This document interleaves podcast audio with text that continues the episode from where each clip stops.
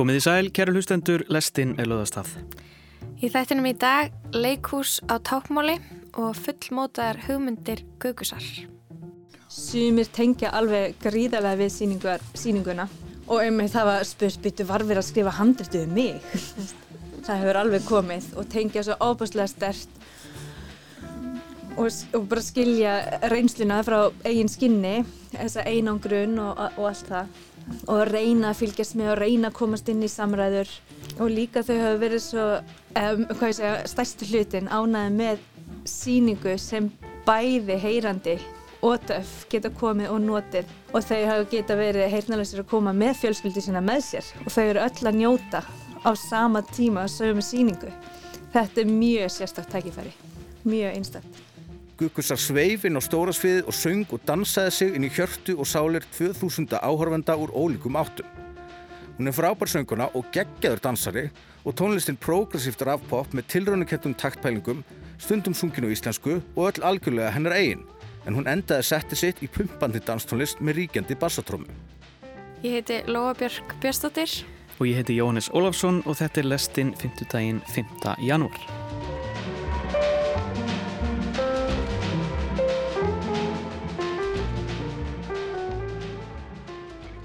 Við ætlum að byrja þátt dagsins í dag og verja stæstum hluta þáttarins í að ræða nýtt íslenskt leikrit sem frumsýnt var í þjóðleikúsinu í november.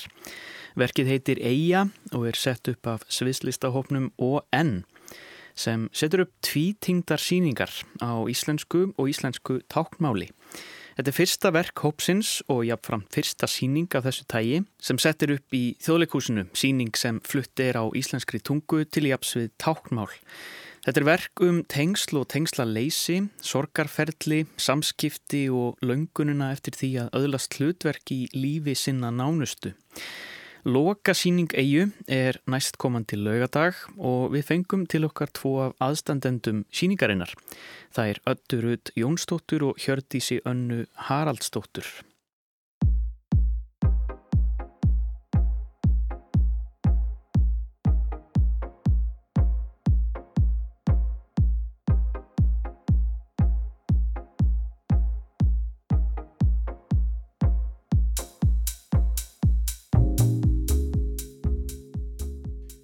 Hingað í lestina eru komnar þær Hjördís Anna Haraldsdóttir og Atta Rud Jónsdóttir.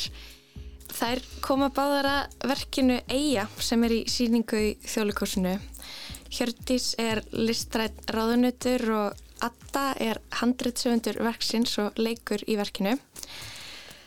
Hér með okkur er tákmálstúlkur sem er tólka samtala okkar en Hjördís tjáu sig á tákmáli. Verið velkomnar. Takk fyrir. Takk fyrir. Leikriti eiga fjallar um sískinahóp sem er saman komin til þess að ganga frá eigum og húsi nýlátins föður. Eitt sískinna Rapp, leikin af Úldis Ósóls, er döf og fjölskyldan á í erfuleikum með að eiga samskipti en það tala ekki allir tákmál. Það gerir eins og er heyrandi tvíbröðsistir Raps Ugla sem er leikin af öllu en ekki elsti bróðurinn og hann hefur þar alveg aldrei náð eða reynd að ná almennilegri tengingu við bróðusinn. Sýningin er á íslensku og hún er tákmálstúlkuð og köplun textuð þar sem að einungis tákmál er talað. Atta, þú skrifar þetta handreitt hvaðan kom þessi saga og, og löngunum til þess að setja verkum þessar aðstæðir, svona samskipti hernalösra og heyrandi? Já, ég skrifa verki ásamt sólegu ómastóttur og hérna, sko, ég var eða að segja að löngunin til að gera þetta verk kemur út frá aðferðinni eða löngun að setja verk upp á tveimur tungumálum samtímis íslensku og íslensku tákmáli og um, þann segilega sprettur þessu hugmynd. Við fundum söguna eða komust að, að því hver sagan þýrt að vera bara í gegnum ferlið. Um, þannig að já, við byrjum eða svolítið öfum enda, við vildum bara setja upp tvítingda síningu og við vildum að setja áhörundur í aðstæðar sem þeir eru ekki varnir að vera í Um, setja heyrandi áhrandur í aðstæður uh, leifaðum að prófa að vera í spórum heyrnalsra áhranda og öfugt mm. og það, það var svona það fyrsta sem við ákveðum en svo smátt og smátt komast við að því að við þyrtum svolítið að fjallum sér samskipti og sem hópur og enn sviðslista hópur sem er nýstofnar hópur sem setur upp þetta verk þá vildum við svolítið stimpla okkur inn í sviðslista heiminn með, með því að segja hver við erum, sína hver, hverjir er í þessum hópi, hvað menningu tilhör við og hvernig getum við unnið saman að því að kannski búa til betri heim og hvernig um, getum við grætt á hver öðru og hvers annars menningarheimum og þannig var það eiginlega nöðsynlegt að segja sögu hérna, sem að þessi tveir heimar koma saman mm. og bæði stangast á og líka finna hvað við hefum samhægilegt. Hjördís, þegar þú kynnist þessu handriti og þessari sögu og þessu ferli, fannst þú strax tengja við það sem var í gangi? Sást þið sjálfa í þessum aðstæðum? Kannski ekki beint persónulega, en meira svona gæti ég uh, speiklað upplifununa, hvað get ég sagt, svona að vera utangars þú veist þegar stór fjölskylda er saman komin allir að spjalla og mikil svona erill og ég er oft svona utan gáta er alltaf utan við hópin einhvern veginn. Og það er svo mikið öryggi að vera hluti af hóp að vera svona involveraður. Mín nánasta fjölskylda er öll tápmálstalandi þannig að ég er í raun og veru hef upplifað báða hópa. Bæði að vera fyrir utan og eins að vera með. En ég veit alveg að það eru lífandi dæmi sem að þú veist, ég meina að handritið er ekki skáltsaga, þú veist, það eru til lifandi dæmi um handritið. Og mörg bara alveru dæmi Sem, og ég veit að mörgum þykir mjög erfitt að trúa því að, að það sé í alveru svona.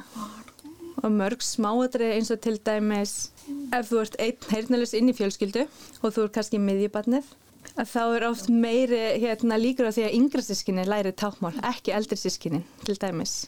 Vegna þess að yngri sískinnin að máltakan þeirra hún er líka hluti sagt, á tápmáli en eldri sískinin þeirra máltaka er alltaf á íslensku það er svona þetta svona, hvað ég segja, stillingaradrið og svona smáadrið sem að margi bara gera sér enga veginn grein fyrir eða trúa því einfallega ekki að þetta sé svona. Þannig að þú tengir sjálf við að þú ert oftar í aðstæðum innan þinnar fjölskyldu þar sem að allir skilja þig og, og þú skilur alla.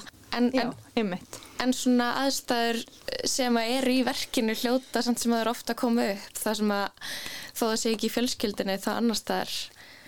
Já, vissulega margir þess að teiknulegsti taka með til dæmis bækur og þess aftar í fjölskyldu samkomur og hérna finna sér bara eitthvað gott hotn til að sita í og lesa og bara svona brosa og kinga kolli eða mjög algengt að, að það komi seint, mæti seint og fái sér að borða og brosi svolítið stund og heilsi fólki og svo bara drífa þessi fyrstur manna heim. Þannig að það sem maður gerir sér svolítið grein fyrir á síningunni er hvað þetta er einangrandi. Já, kannski, já, en persónlega kannski maður svona hvað segja, missir tækifæri til þess að kynnast fólki. Til dæmis kynnast bara nonna frænda, hvernig hann er hvernig personleiki hann er. Og maður kannski átt að segja að nonni frændi veit bara ekkert um mig. Veist, og maður er svona, maður er langar að tengjast á dýbri hvað ég segja, leveli heldur um að gera og það, maður missir á solistækifærum en um, þú veist, maður er vanur þessu og þekkir ekkert annað að þá kannski, hvað ég segja þá er það kannski ekki svo slæmt. Að þetta er það sem maður þekkir.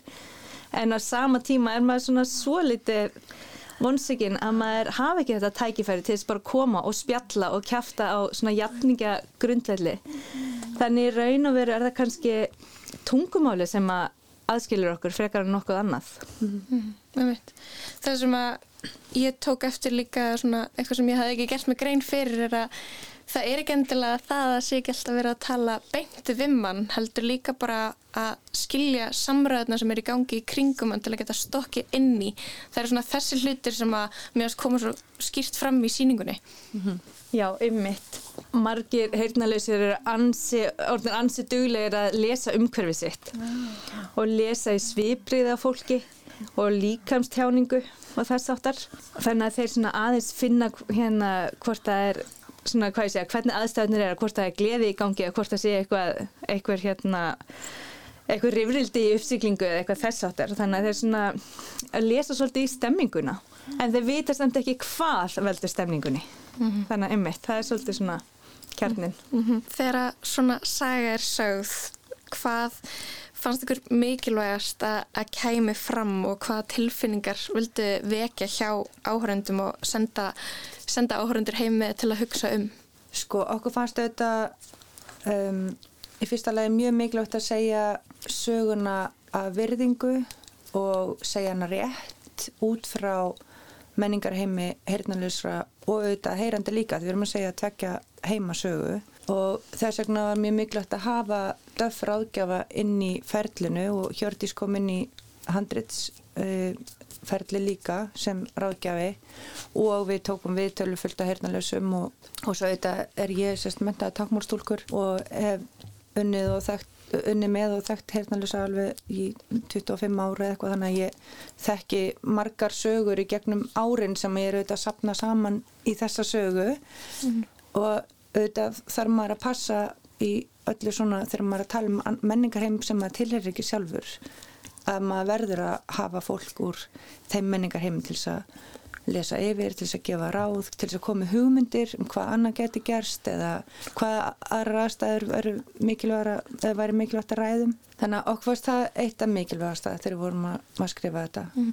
En, ta en talandi um að segja sögu hóps sem er tilherir ekki, myndið segja að hafi verið styrkleiki eða veikleiki að þetta var ekki, hópurinn samanstóð ekki einungis af af döf einstaklingum heldur voruði blandaður hópur. Ég meina að hljóta hafa komið upp aðstæður í ferlinu sem er svona það sem að það eru hindranir og það er, það er ekki skilningur í allar áttir. Já, klárlega. Og ég held að við öll bara lært mjög mikið og, og sé, þó ég sé búin að vinna í þessum heimi og eigi vini í þessum heimi og þekkja hann mjög vel þessi 25 ár þá var ég læra fullt nýtt mm. og við getum alltaf mynd okkur á að við, get, við erum alltaf að læra og við erum alltaf að læra hver öðru bara fram og tilbaka og finna út hvernig við getum unni saman og hvernig öllum getur liðið vel og, og líka bara æfa okkur í samskiptum og hvernig við getum spurt spurninga án þess að það er meiði við þurfum þetta líka að hafa til þess að sína einn heim þá er líka gott að hafa annan á móti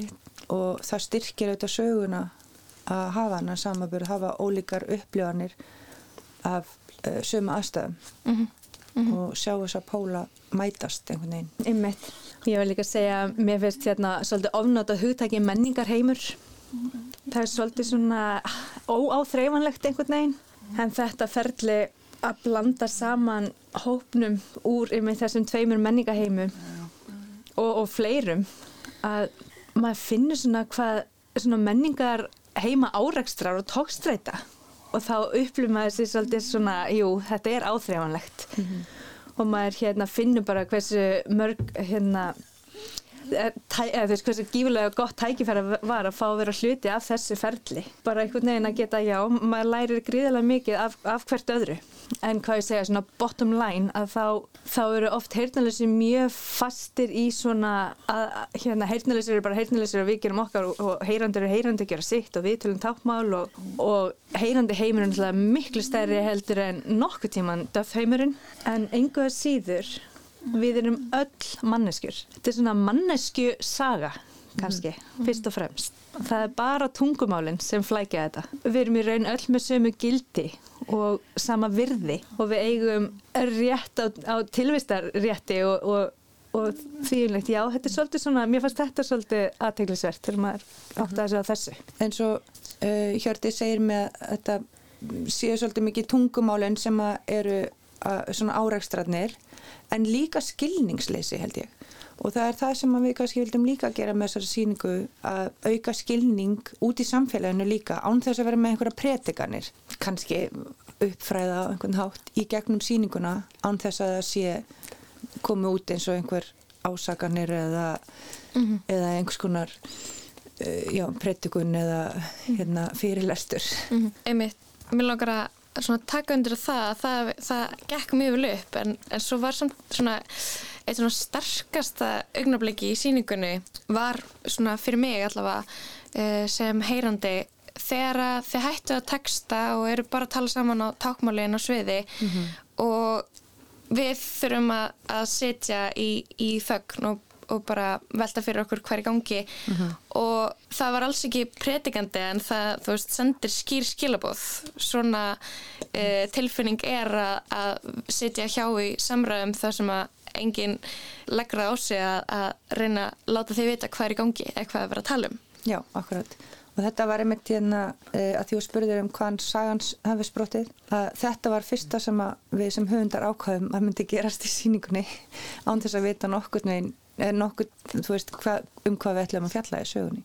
En þá var þetta moment fannst okkur bara mjög mikilvægt að kæmi og það er bara, það grundallast bara því að við getum oft, þú veist, lært um alls konar og lesið og heyrt sögur af fólki um einhverja aðstæðu sem fólk er í en við getum aldrei skilið það fyrir við erum í alvörunni aðstæðanum sjálf og okkur langaði að gefa fólki það tækifæri að prófa það mm -hmm. og líka fyrir, ekki bara fyrir heyrnal, nei, heyrandi að sitja og skilja ekki neitt, heldur líka fyrir heyrnalösa að vera einu sem skilja mm -hmm. það er líka aðstæður sem heyrnalösa ekki vanir að vera í, í fjölmenni eða í leikhúsi mm -hmm. Já og það var svona, uh, það var nýtt svo á því auknábliki gera maður sér enn betur grein fyrir að það væri rauninni kannski tvær síningar í gangi. Síningin sem að heyrandi upplifa og, og svo það sem def einstaklingar upplifa. Hvernig viðbröð hafið fengið frá heyrnalösum sem að hafa séð síninguna? Sumir tengja alveg gríðarlega við síningar, síninguna og um það var spurt byttu var verið að skrifa handrituð um mig. það hefur alveg komið og tengja svo óbúslega stert og, og bara skilja reynsluna frá eigin skinni þessa einangrun og, og allt það. Og reyna að fylgjast með og reyna að komast inn í samræður.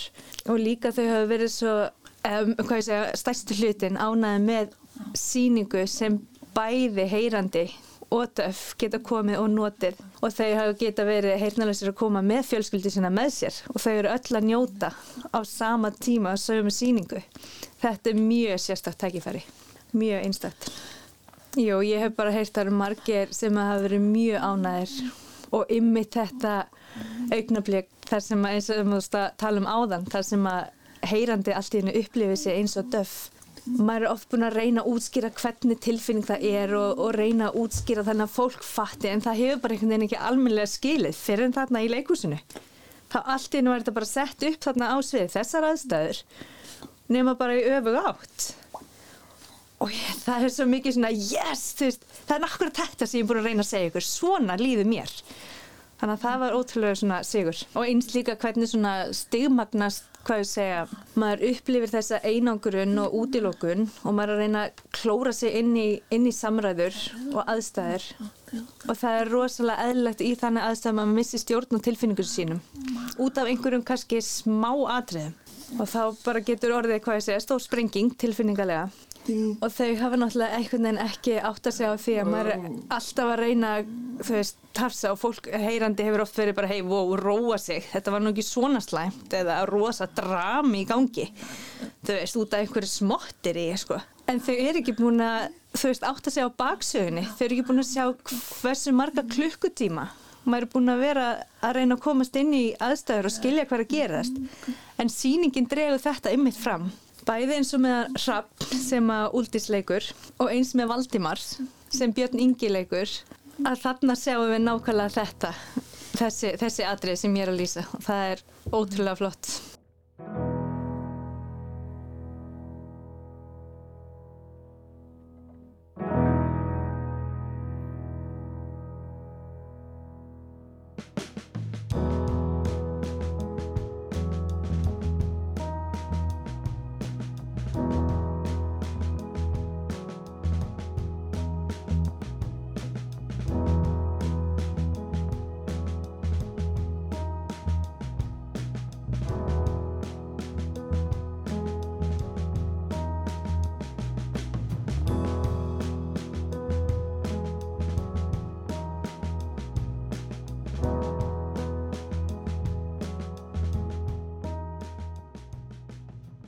Og þú talaður um uh, að geta farið saman í leikhús og séð sömu síninguna og ég sá að uh, þetta er fyrsta síningin sem er sett upp í þjóðleikúsinu þar sem er uh, tákmál og íslenska.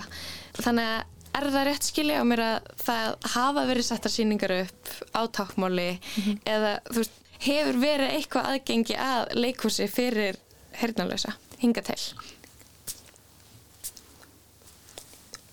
Ekki í þjóðleikursinu en hérna, já, jú, takmálstúlkaða leiksýningar sem að ég er nú tólkaðar flestar en, en það eru alveg fleiri tólkar sem hafa tólkað líka en jú, jú, það kemur fyrir en þá er alltaf bara ein síning sem að fólk getur valið að fara á og þá er það tólkusíning ekki síning með hernalisum leikurum eða mm -hmm. með fullu aðgengi og það er bara mismöndi hvernig er hægt að útfæra það hvort að tólkun sín á sviðin eða til liðar við sviðið og hvort fólk þurfi þá að svissa á milli að sjá tólkunina og hvað er gerst á sviðinu eða hvort það getur hort á sama, bæði á sama tíma og annað. En það hef ekki verið textaðar síningar?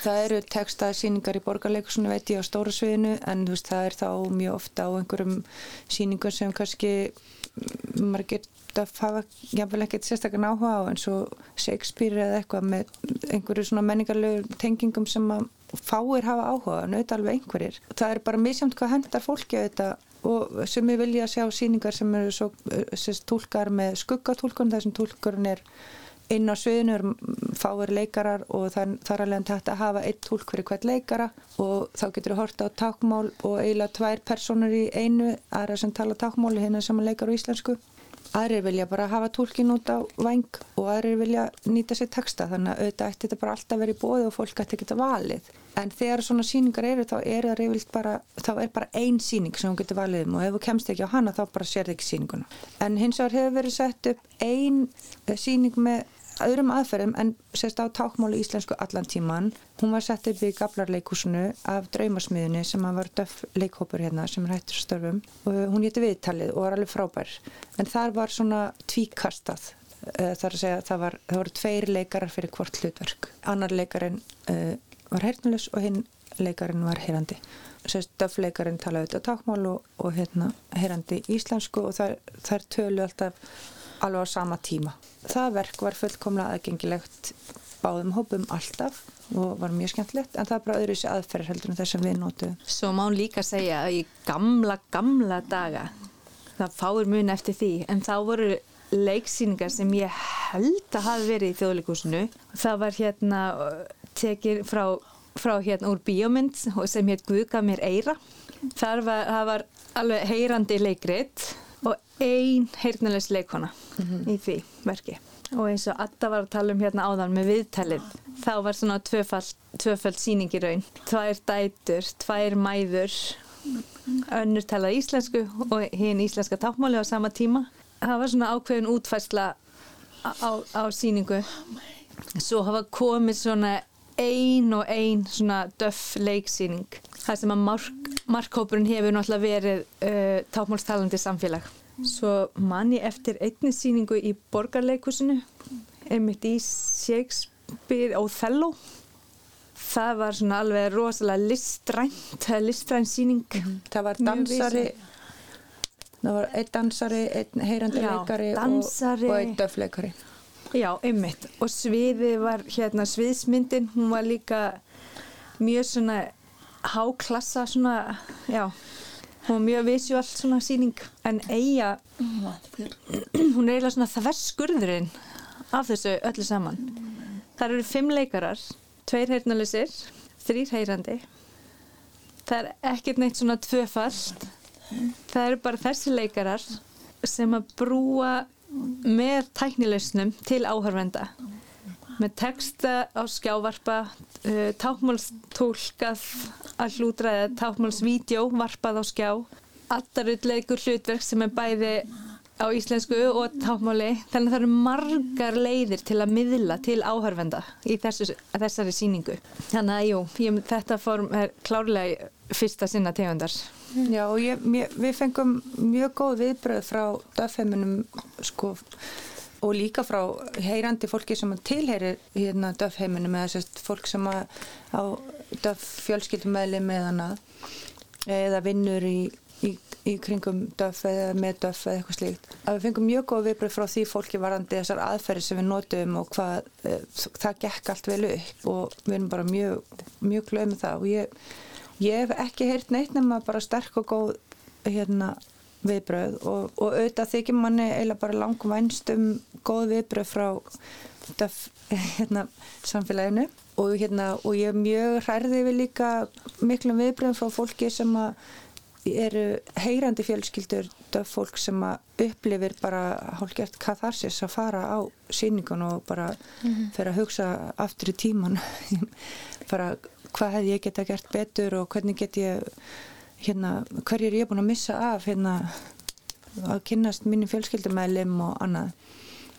Og það er bara frábært ef við getum fengið hérna, fólk til að vilja vera betra og, hérna, og, og kannski hérna, breytt heiminum pínlítið Mér langar að spyrja ykkur út í umræðina sem að fór á stað í þjólikúsinu í kjálfar síningarinnar sem á heimni þar sem að ég menna það var á endanum haldinn málfundur um, um aðgengi fallara að leikúsinu og, og byrtingamöndir bara talandi um aðgengismál og, og hver fara að vera með og hver, hver býr til list, hver stendur á sviðinu hvað sögur sagðar.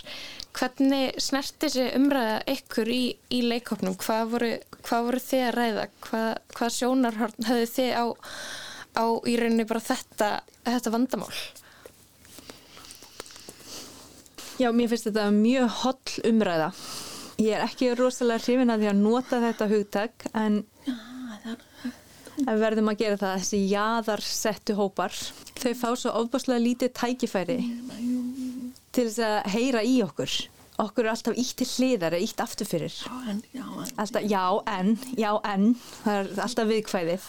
En þetta var svolítið svona stór sprenging, ef svo skal segja, og algjörlega á réttum tíma held ég. Það verður að vera heilbreyð og opin umræða og hætta þessu já en, bara henda því og bara ræða málinn.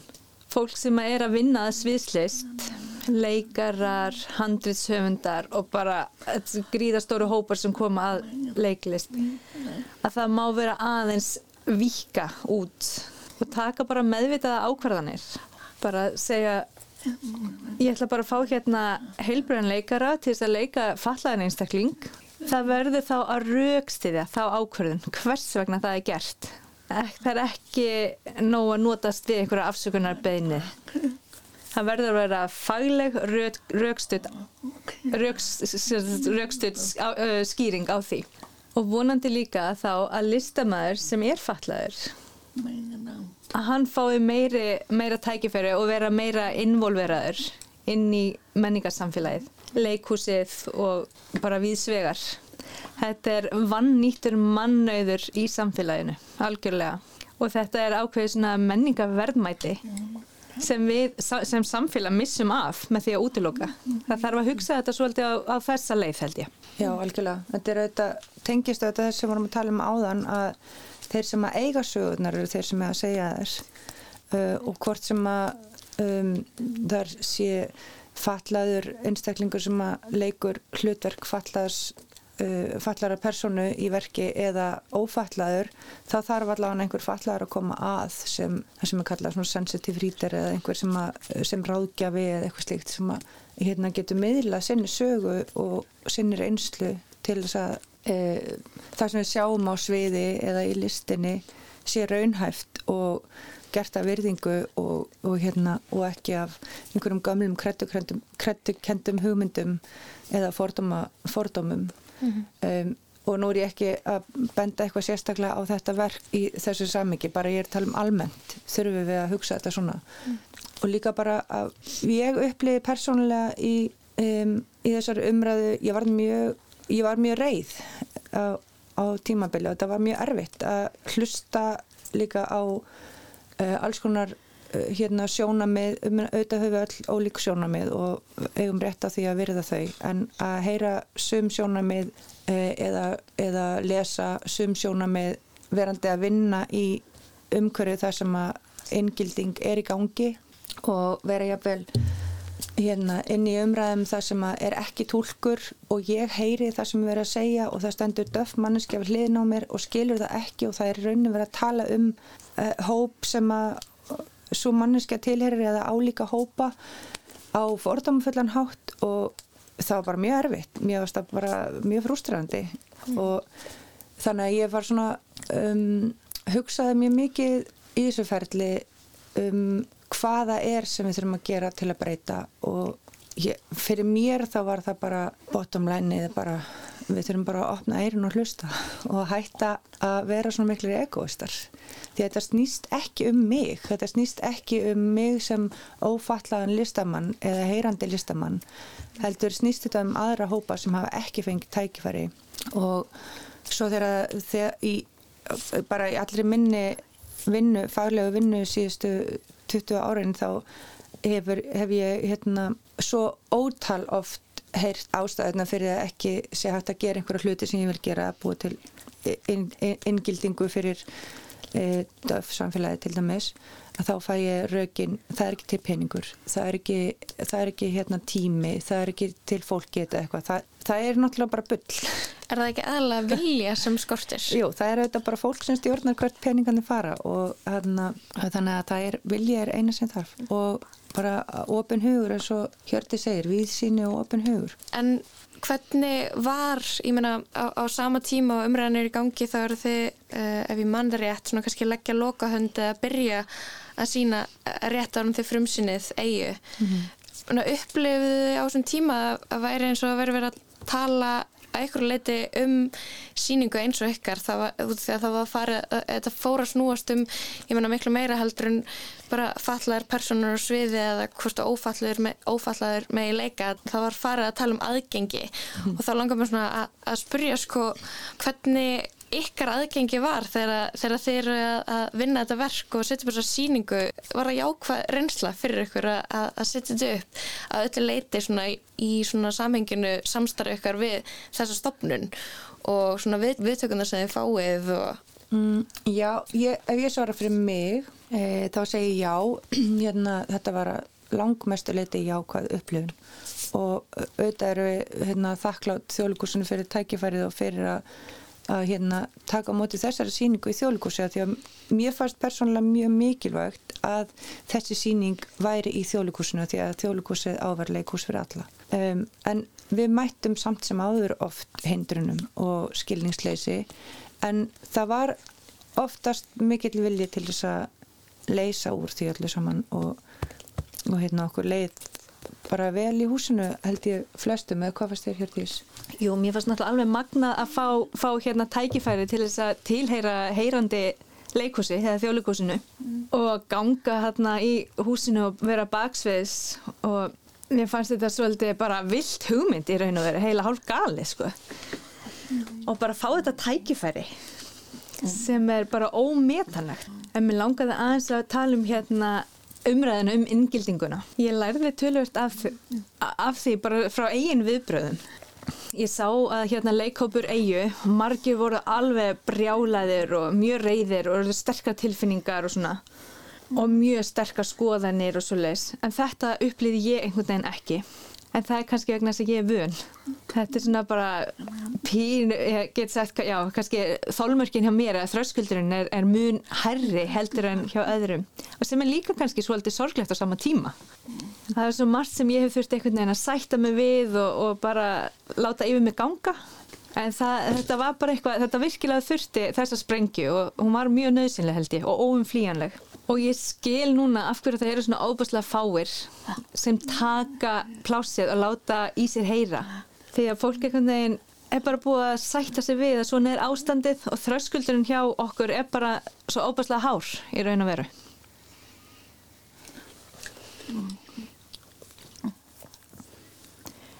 Já, í sambandi við þjóðlukursið og ég vona innilega að það komi fleiri svona tækifæri í framtíðinni og maður hérna finnur hvað er nöysilegt að tilheyra svona hóp og vera hluti af. Já, þú skoða bara þjóðleikhúsið það er þjóðar eign þannig að fólki í aðarhópum að fá að vera hluti af þjóðareigninni það er bara gífulega mikilvægt. Þar feldur ekki alltaf að vera leikrut um döfpersonu.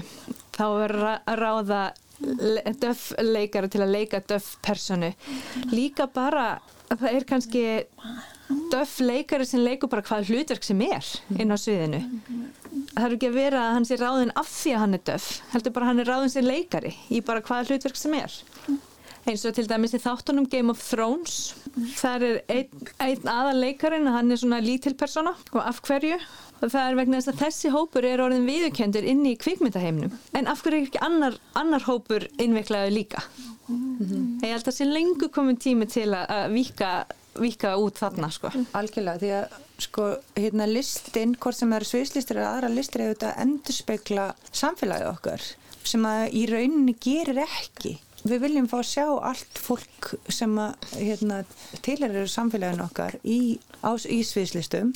Við viljum bæði sjá þau á sviðinu og sögur sem fjall um þau en eru ekki eins og Hjörti segir ekkert endilega fjall um þau af því að þau eru hérna, frá einhverju ákveðinu landi eða, hérna, eða af því að þau eru blind eða heyrnulegs eða fölluð eða bara af því þau eru mannskjur og það vil svo til að að þessi hamlet er með störfót, það er bara þannig. Mm. Eða, þið, skilur, það bara, þá þarf ekki leikhúsið er ofin miðl og við veitum það öll sem höfum vunnið þar að handritum er breytt hægri vinstri. Af hverju má ekki vera fatlaður leikari sem leikur eitthvað hlutverk þó að sé ekki skrifa þannig í handritinu Ég held að við séum sprungnar á tíma. Þakk ykkur kærlega fyrir komuna í, í lestina í dag, Hjördís og Adarud. Og ég menna það er einn síning eftir af eigi. Það er hægt að sjá þessa síningu á lögadaginn í þjóðlukorsinu. Já, lögadaginn sjöndar allra síðasti síðans. Mm -hmm. Takk ykkur fyrir komuna. Takk fyrir okkur. Takk fyrir.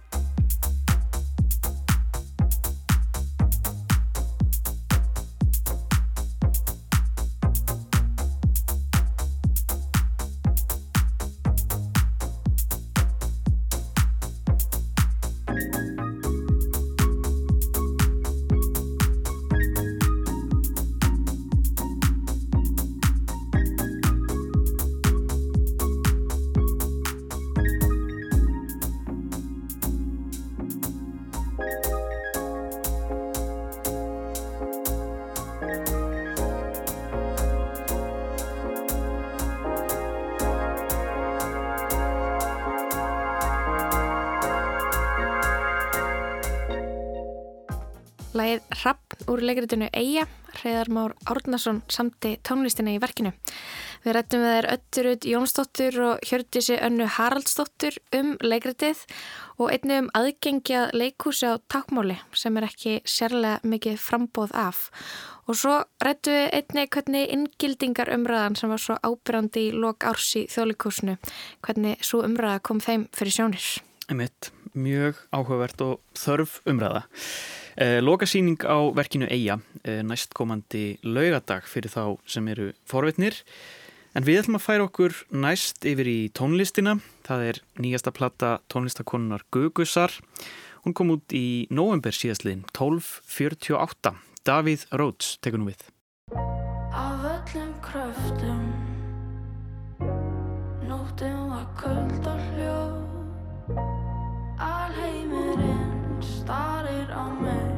losna við sig.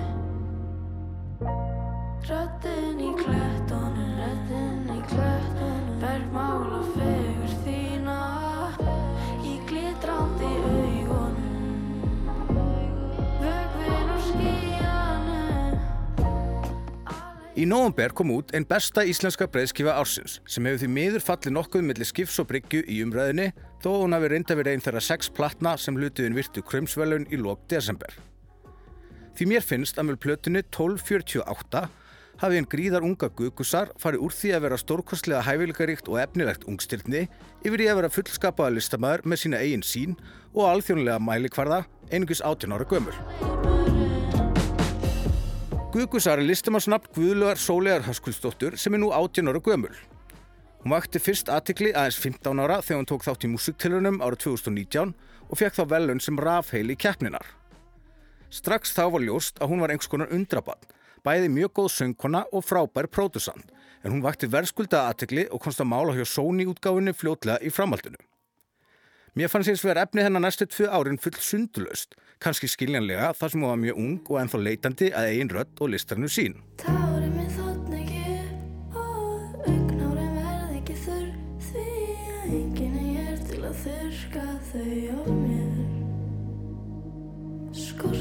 súrefni og ég get ekki fundið þig því að ég gerði mistökin að þau elda mig. Ég sá hana síðan á stóru sviði á aldrei fóru suður síðasta sumar og þar fannst mér hún hafa meiklað eigið efni og fundið sinn fókus. Sjálfsögur ekki skein af henni. Guðgusar sveif inn á stóra sviðið og söng og dansaði sig inn í hjörtu og sálir 2000 áhorfenda úr ólíkum áttum. Hún er frábær sönguna og geggjaður dansari og tónlistin progressíft rafpop með tilraunikettum taktpælingum, stundum sunginu íslensku og öll algjörlega hennar eigin. En hún endaði setti sitt í pumpandi danstónlist með ríkjandi bassatrómi.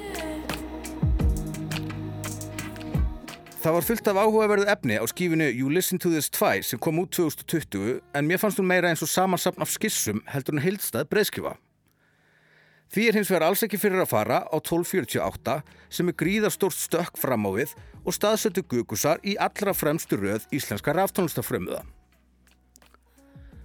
Núna eru tónlistar og hljómfræðilegu hugmyndirnar fullmótaðar og allur söngur er á íslensku. Eftir stuttu ambient og ingangstemmuna ekki sjans er vaði beint í dubstep-klegt trommubít og grottarlegan bassasinnþá og Gugusar syngur Sestu niður, segðu mig frá öllu sem að koma á milli okkar þegar hún var ekki fyrir okkar sambandi hvað varðum okkur þá?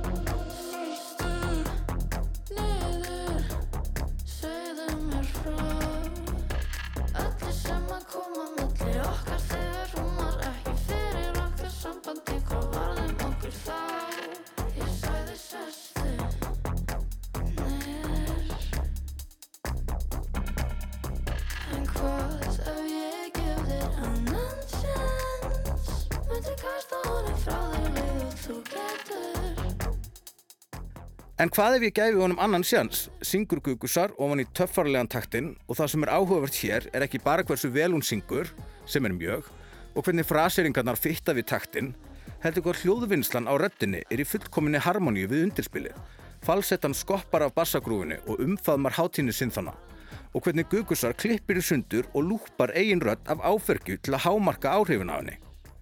Því þrátt fyrir að vera frábær söngkona er hún fyrst og fremst feikilega hæfilegur ykkur pródúser sem trítar sína eigin rödd ekki eins og æðsta sköpunarverkið ofan við hljóðheiminn heldur sem part af honum sem hægt er að beigja, klippa og tvíka rétt eins og öll önnur element í sándinu.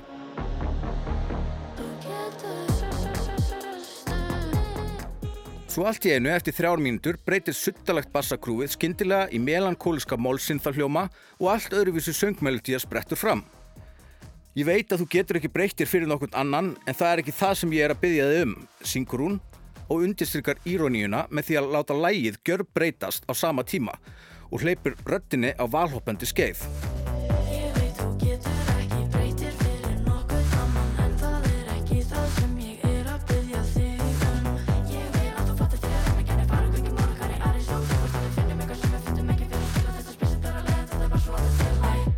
Glerdúkan er lástend ballaða sem byrjar á angurværum píjánuleik og svífandi röddum áður en skarpar trommur í trip-hop tempói undirstryka einlega texta um úlinga ángist og erfitt ástasamband.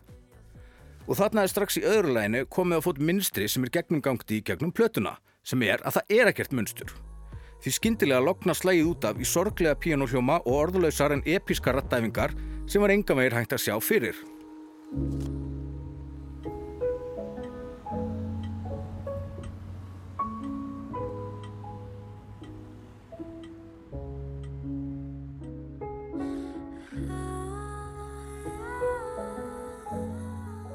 Lagasmíðar Gugusar eru nefnilega aldrei á hefðbundnum versviðlag versás, heldur lúta sínum eigin lögmálum, þar sem æfintýra þrá, tilviljanir eða áferð soundsins geta leitt þau út í alls konar skrítna útúrdúra, teknotiktúrur eða óvandar kablaskiptingar. Eins og þegar það byrja skyndilega harður drömmum basskabli í læginu Komdu, eða þegar röttin í klettunum umbreytis í da-da-da-da-dom-dom singalong.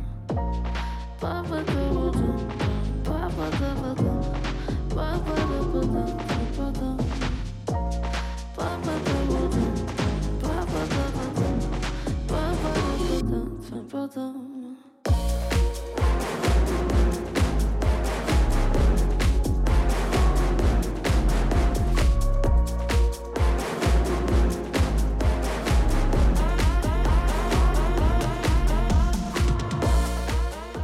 er erfitt að setja fingur á nákvæmlega hvers konar tegund á tónlist er framreitt á plötinu 1248 og undir hvað áhrifum hún er.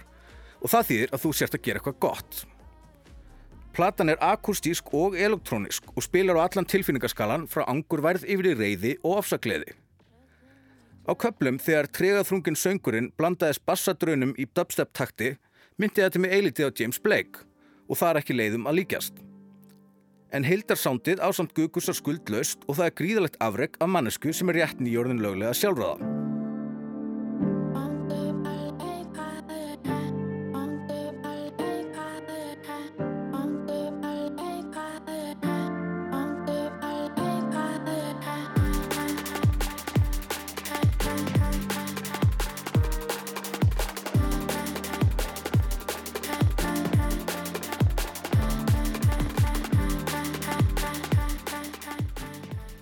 Eins og áður sagði finnst mér eitt af sem helst enginni plötuna vera stórkosli meðferð Gugusar á eigin rödd.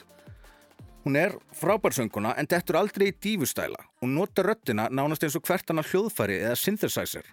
Beiklar hana, setur í gegnum alls konar effekta, hraðar á henni, klippir í sundur og hendir í sína einstöku hakkavél og spýtir henn út aftur. Hún forðast klísjur úr bæði poppi og danstónlist, meðvituð um hefðirnar en alls óbundin af þeim. 1248 er einn allra besta íslenska plata síðast árs og það er ljóst að Gugusar á gríða bjarta framtíð í vændum.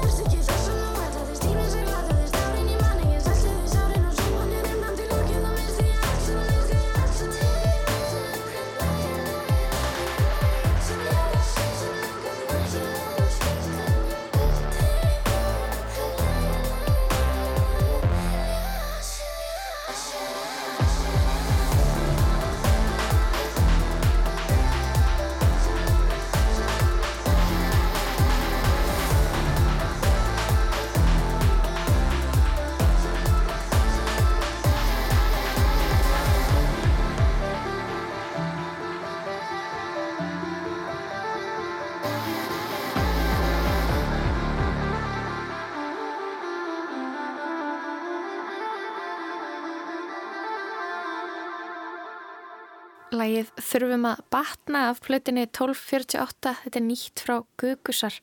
Það var Daví Rót sem að rindi í plötina sem hann segir eina allra bestu íslensku plötu síðasta árs og með henni hafi Gugusar farið úr því að vera stórkostlega hæfileikaríkt og efnilegt ungstyrni yfir í að vera fullskapaður listamæður með sína eigin sín á alþjóðlegan mælikvarða. Þetta er góðu dómur sem að Gugusar fær hjá Daví Rót. Mjög góður, það er bara fullt hús. Já, talandi um góða tónlist, Jónes, þá varst þú búin að finna til sko eitthvað gott post-punk lag og við, Já, ég held að við höfum líka, líka verið að spila post-punk í gær, þetta er kannski svolítið svona þannig vika þetta er fyrsta vikan á árinu, kannski smá brekka Smábrekka. Þetta er líka svona svolítið svona 2006 indie bragur, svona gítarrock bragur yfir þessu. Þetta er svolítið breska hljómsveitin Wet Leg, uh, blöytur fótur. Frábær hljómsveit sem ég er búin að vera að hlusta svolítið á. Uh, þau gáð uh, lægið Chase Long árið 2021. Uh, þetta er frekar nýleg hljómsveit. Og það kom út fyrsta platan í fyrra sem að heitir held ég bara Wet Leg. Og já, ég held að Chase Long sé einhvers konar svona sófi Já, ég held Svona- passi, húsgagn. Húsgagn. Uh, en mér grunast samt að undir tónandir í textanum séu svona já, hvað ég að segja, frekar kynferðisleir Ég skilji, ok, já, hvað er við að segja? hlustendum bara að, að meta það en Já. allavega lagið Chase Long með Wet Leg, ef ekki bara enda þar Jú, við skulum enda þar. Við Jóhannes og Lóa þökkum kella fyrir samfélgina í lastinni í dag. Við erum aftur á dagskrá á mánudag. Tæknumæður í dag var Kormokur Marðarsson. verið sæl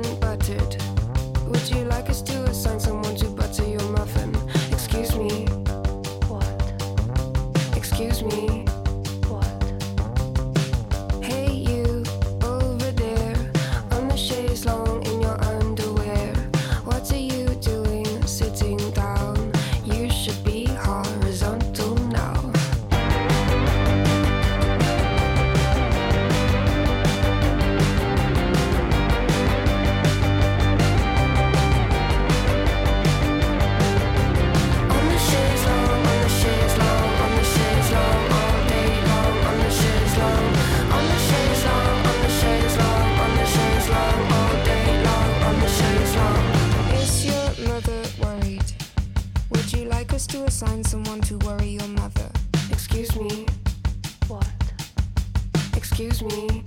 What? Hey you, in the front row, are you coming backstage after the show? Because I've got a chaise long in my dressing room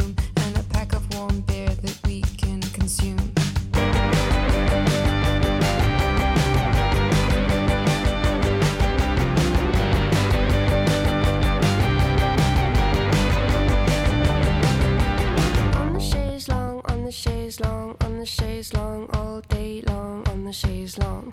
On the chaise long, on the chaise long, on the chaise long, all day long, on the chaise long. On the chaise long, on the chaise long, on the chaise long, all day long, on the chaise long. On the chaise long, on the chaise long, on the chaise long, all day long, on the chaise long.